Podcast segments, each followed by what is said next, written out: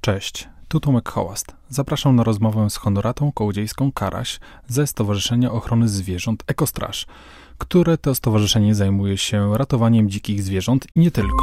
Zrzutka.pl Zaprasza Tomek Hołast.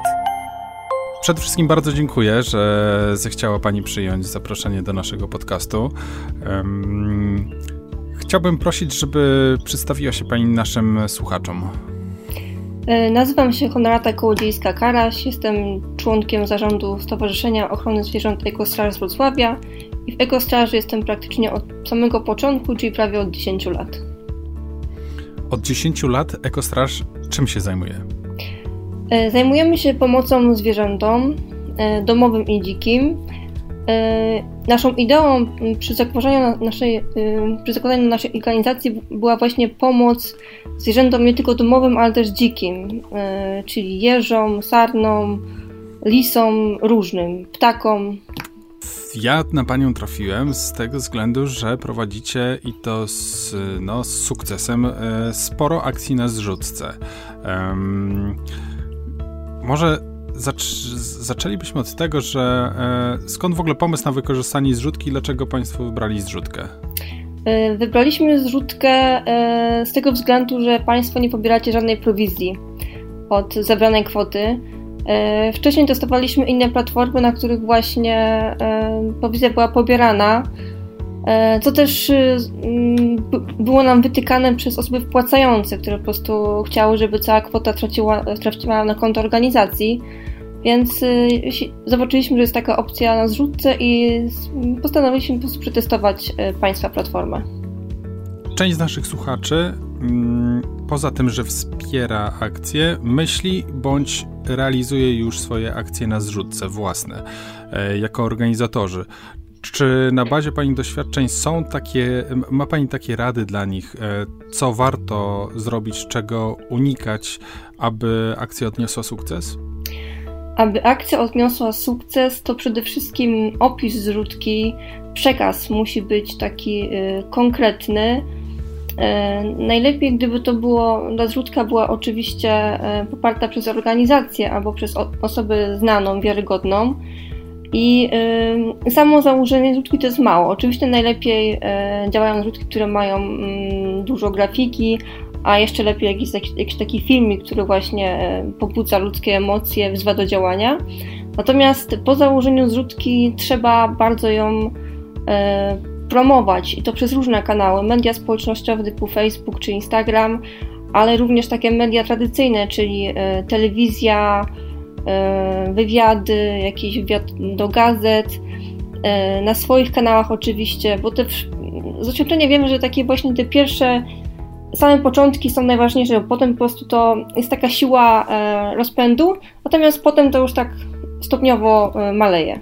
Ostatnia z Waszych akcji cieszyła się całkiem sporym zainteresowaniem. To był Wasz kalendarz. Udało się do niego zaangażować e, no, sporo znanych osób, mm, influencerów. Tak. Jak jak ta akcja przebiegała? Jakie dalsze kroki? E, na co zostaną wykorzystane środki pozyskane e, z tej akcji? I właśnie ta akcja udała się dzięki temu, że mm, właśnie zaangażowaliśmy do niej dużo e, influencerów i te osoby też na swoich kanałach tą akcję promowały i dzięki temu ona miała taki duży zasięg. Środki zebrane na zrzutce zostaną przeznaczone na cele statutowe, czyli na leczenie, i, czyli opiekę weterynaryjną i na wyżywienie dla zwierząt, dlatego że mm, to są koszty, które najbardziej y, nas uderzają. To, to najbardziej kosztuje właśnie wyżywienie i opieka weterynaryjna. Czy trudne było przekonanie influencerów, influencerów, tych znanych osób w sieci do wzięcia udziału w tej akcji? Nie, nie było trudne. Oczywiście yy, pytaliśmy o wiele większą liczbę osób, natomiast te, które się zgodziły, yy, część z nich z, nas zna i, nie, nie było z tym żadnego problemu. I mało tego, nawet y, dzięki tej akcji kilka naszych zwierząt znalazło stałe domy, poszło do adopcji dzięki właśnie temu kalendarzowi. I też niektóre z tych osób y, y, same zaproponowały, że będą dalej nas promować i pomagać nam już po tej akcji. Świetnie. Czy w kalendarzu można się jeszcze jakoś zaopatrzyć? Nie, już, już nie mamy, już nie, do, nie, nie dodrukowujemy.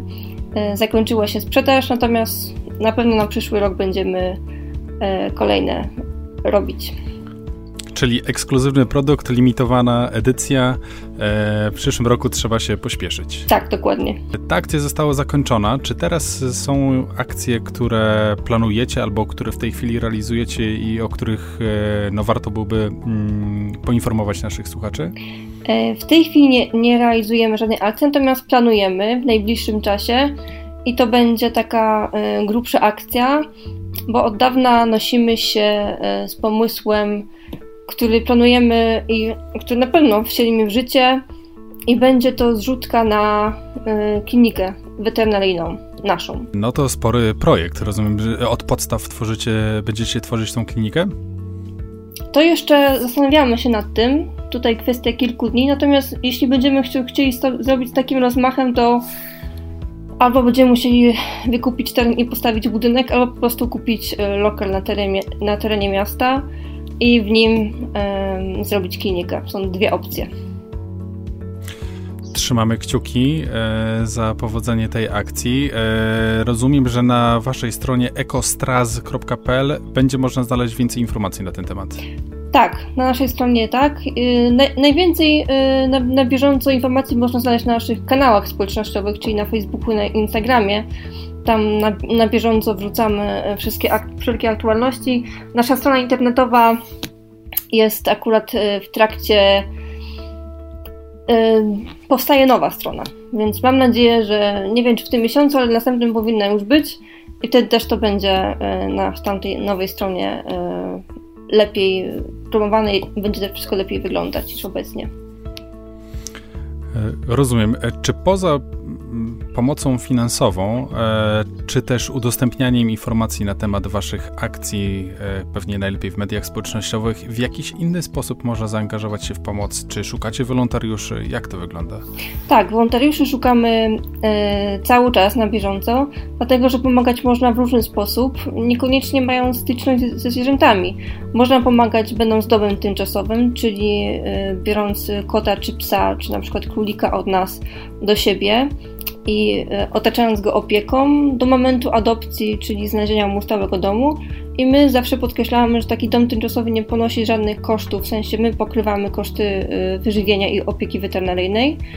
E, można pomóc nam projektując różnego rodzaju grafiki, czy też ogłaszając nasze zwierzęta do adopcji na różnych stronach. Oczywiście, bo zawsze łatwiej jest znaleźć po prostu szukając, ogłaszając te zwierzęta na różnych portalach, nie tylko ograniczając się do na przykład Facebooka. Można pomóc szukając sponsorów albo szukając takich miejsc, w których możemy postawić swoje puszki zbiórkowe. Można pomóc przychodząc do nas tutaj do lokalu i będąc wolontariuszem przychodzić na taki dyżur do zwierząt, czyli wprowadzać je, sprzątać, karmić. E, można pomóc nawet wożąc nasze zwierzęta do weterynarza. Naprawdę opcji jest bardzo dużo.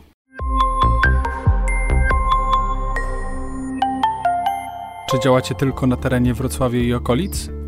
Działamy na terenie Dolnego Śląska. E, z tym, że zwierzęta, zwłaszcza dzikie, trafiają do nas e, dość często też spoza Dolnego Śląska, dlatego że jeśli chodzi o pomoc dzikim zwierzętom, to w Polsce działa to jeszcze bardzo e, kulawo i czasami ciężko jest znaleźć pomoc dla takiego dzikiego zwierzaka na danym terenie. Jak z Wami się kontaktować pod tym kątem ewentualnej pomocy, bądź w przypadku, kiedy no, spotkaliśmy, e, czy mamy do czynienia z, z dzikim zwierzęciem potrzebującym pomocy? E, my, jako bodajże jedyna organizacja w Polsce, mamy praktycznie całodobowy telefon interwencyjny i numer jest e, podany i na Facebooku, i na naszej stronie, i to jest numer 605 78 2214 i to jest właśnie taki numer do interwencji, w sensie jak coś bardzo pilnego się dzieje, to można przedzwonić. Jeśli nie, nie odbieramy, to prosimy zawsze o SMS-a i wtedy odpisujemy. E, można też wysłać wiadomość na, przez Messengera po prostu na Facebooku czy na Instagramie. Można też do nas wysłać maila na adres infomałpa.ecostraż.pl Mamy też jeszcze drugi y, numer telefonu, też taki alarmowy. Wszystkie nasze numery telefonów są podane na naszej stronie internetowej, tam jest podane w których godzinach e, są odbierane i w jakich sprawach można dzwonić. Na przestrzeni tych yy, okresu działalności ekostraży, ilu zwierzętom udało się pomóc? Ile zwierząt znalazło yy, dom za waszym pośrednictwem? Oj, nie jestem w stanie tego określić. To było kilka tysięcy, yy, licząc i domowe, i dzikie bo teraz to się rozkłada tak mniej więcej 50 mm, na 50%, w sensie mamy połowę zwierząt domowych pod opieką, a druga połowa to są zwierzęta dzikie. E, więc nie powiem, nie jestem w stanie nawet określić. Na pewno jeśli chodzi o adopcję, to jest kilkaset zwierząt. I psów, i kotów, czy też gryzoni i królików. A jeśli chodzi o zwierzęta dzikie, to jest i było ich też bardzo dużo i to są już na pewno tysiące, bo sam, samych jeży mamy pod opieką obecnie w tym miesiącu y, prawie 200. Do tego kilka tysięcy ptaków, y, kilka lisów, y, borsuka, kunę. Gdzie one, gdzie one teraz są? Jeśli chodzi o jeże, to one są u nas w lokalu we Wrocławiu. E, lokalu przystosowanym właśnie do mm, trzymania zwierząt dzikich, ale też i domowych. Mamy teraz zimę, więc te zwierzęta, które są pod naszą opieką, czyli jeże, no, są w takim stanie, że no, nie mogą zahibernować, więc są trzymane w temperaturze pokojowej, e, w takim specjalnie przystosowanych do tego pomieszczeniach, w, w takich e, kojcach.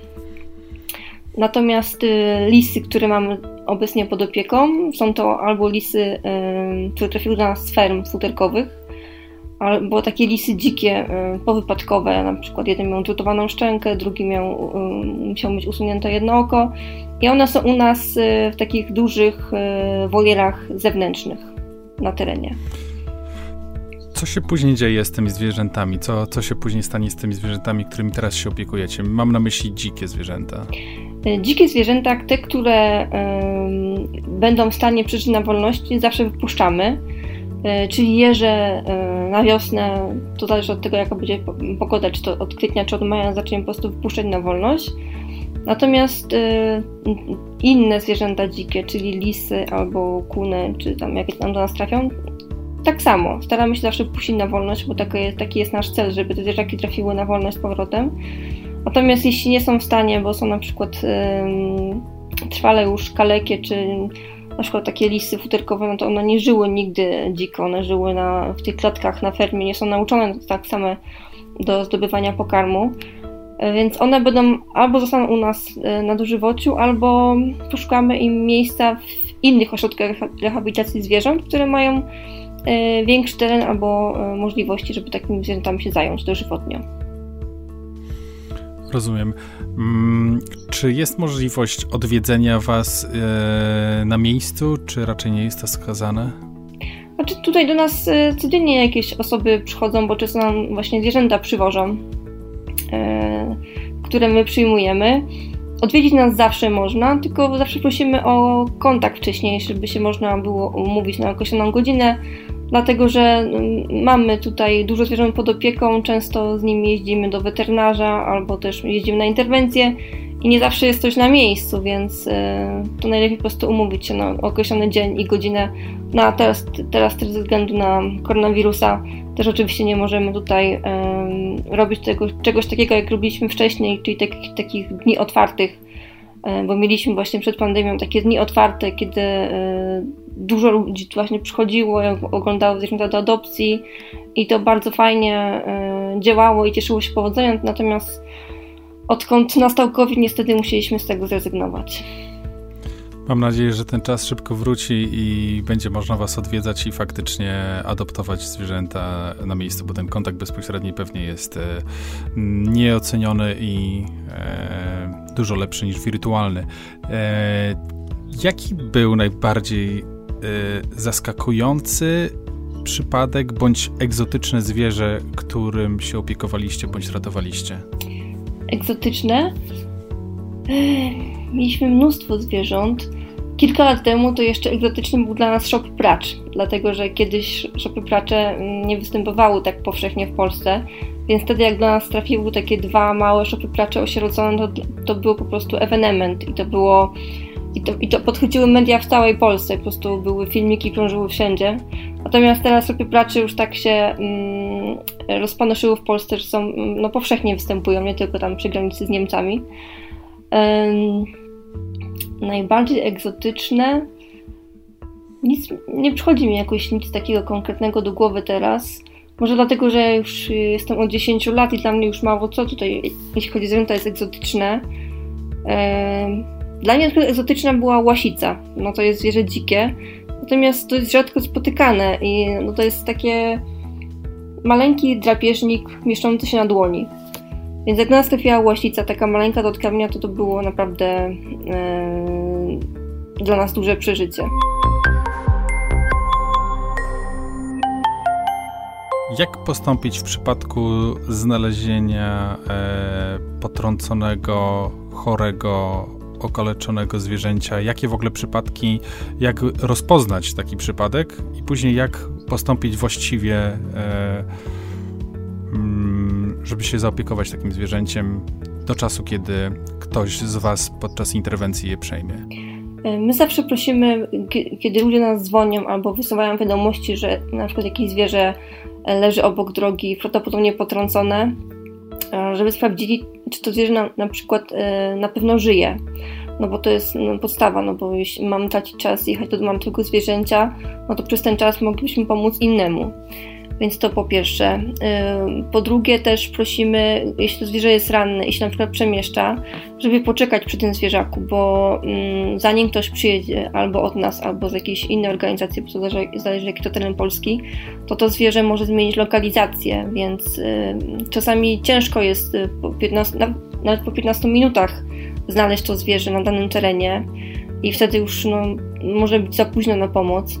Jeśli na przykład ktoś dzwoni, że znalazł rannego ptaka, który powiedzmy utyka albo leży na ziemi, no to, to też zawsze prosimy, żeby albo go zabezpieczyć, w sensie na przykład przykryć czymś kartonikiem, jakimś yy, kawałkiem materiału, czy przy nim postać, bo jak ta osoba odejdzie, a ktoś będzie przy tym ptaku za, nie wiem, 15 minut, to do tego czasu może zdarzyć wiele rzeczy, czyli na przykład może go zaatakować tego ptaka inny ptak, jakieś dzikie zwierzę, pies, E, czy potrąci go samochód, e, więc e, czas tutaj ma duże znaczenie i też taka, taka opieka, poczekanie na przyjazd kogoś, bo no, tak jak mówię, czasami ciężko jest znaleźć danego zwierzaka w danym miejscu i czasami po prostu już jest za późno na taką pomoc. Czy jest może jakaś, jakiś temat, który sama Pani chciała poruszyć bądź przekazać słuchaczom wspierającym, potencjalnym wspierającym? A jest takie coś, bo na przykład e, to, co mnie e, bardzo dotyka i nas wszystkich, którzy tutaj pomagamy zwierzętom, e, to jest właśnie problem takich starszych, schorowanych zwierząt. Ostatnio właśnie mam wysyp takich staruszków, które, zwłaszcza psich, które zabieramy często z łańcuchów, które żyły całe życie na łańcuchu i jak już są w takim kiepskim stanie, to właściciele je wtedy zaprowadzają do weterynarz, żeby uśpić, nie sprawdzając wcześniej w żaden sposób stanu zdrowia, czy da się temu zwierzakowi pomóc na przykład. Często takie właśnie starsze psy są rzucane do rowu, e, albo ludzie po prostu idą do weterynarza i chcą uśpić. I to jest bardzo przykre, bo mm, no mamy obecnie akurat u siebie w lokalu kilka takich starszych psów. E, wszystkie psy mm, są w złym stanie, nie były nigdy leczone a właściciele mieli takie podejście, no jak stary, no to już no, musi na coś umrzeć, prawda? Więc nawet nie starali się leczyć. I smutne jest to, że zwierzęta bardzo potrzebują e, miłości, bo były całe życie albo w domu nawet, albo też e, i były na łańcuchu i tej miłości nie doznały. I, e, I przez to, że są starsze i schorowane, to mają automatycznie e, bardzo małe szanse na adopcję, dlatego że no, ciężko jest znaleźć starszemu schorowanemu psu e, dom. I dla mnie jest to no, bardzo smutne. Ciężko nam się pogodzić z tym, że te psy często czekają po prostu nawet kilka miesięcy na adopcję, e, zamknięte u nas w kojcach czy w klatkach życzylibyśmy sobie jak najwięcej ludzi, takich, którzy są w stanie podjąć e, no, takie zwierzęta e, starsze, schorowane, potrzebujące ogro, ogromu miłości, jak, jak i również e, no, apelujemy do, do osób e, o większą czułość wobec takich zwierząt. Sam wiem, mam starszego psa i wiem, że sytuacje już, które wydawały się no, beznadziejne, e, nie do odratowania, okazywało się, że, że m, po diagnozie, po krótkim, 10 nowym leczeniu pies wraca do sił e, i żyje z nami jeszcze, jeszcze kolejny rok i mam nadzieję, że będzie żył e, kolejny.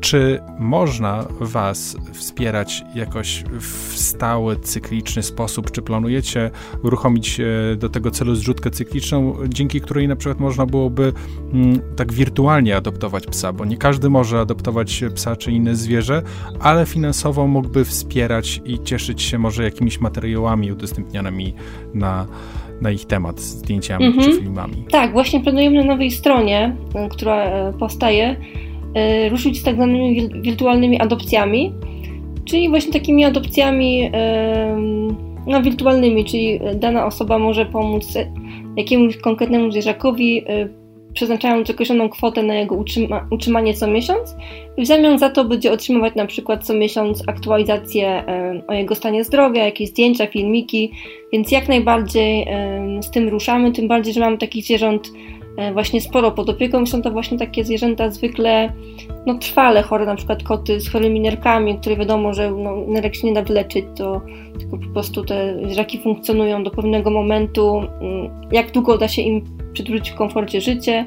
Mamy psy z chorą, y, z chorą trzustką, mamy takie właśnie staruszki chore, które są na tych, takich właśnie y, do, domach tymczasowych do, dożywotnich, gdzie tam sobie po prostu już dożyją swoich dni czyli będzie można im zapewnić godziwą starość i dobrą opiekę przez Was świadczoną. Tak. Bardzo dziękuję. Moim gościem była pani Honorata Kołodziejska-Karaś z Ekostraży. Słuchaczy zapraszam do wspierania e, zrzutek, czy też wszelkich akcji, które są organizowane przez Ekostraż i śledzenia fanpage'u oraz e, strony, która zaraz będzie miała nową odsłonę.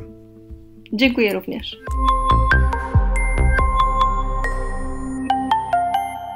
To był podcast zrzutka.pl. Już za tydzień porozmawiam z Martą Adaśko z Fundacji Sarigato, która zajmuje się wspieraniem schronisk w całej Polsce. Ty również możesz zorganizować swoją zrzutkę i wykorzystać rady naszych gości, aby zakończyć ją z sukcesem.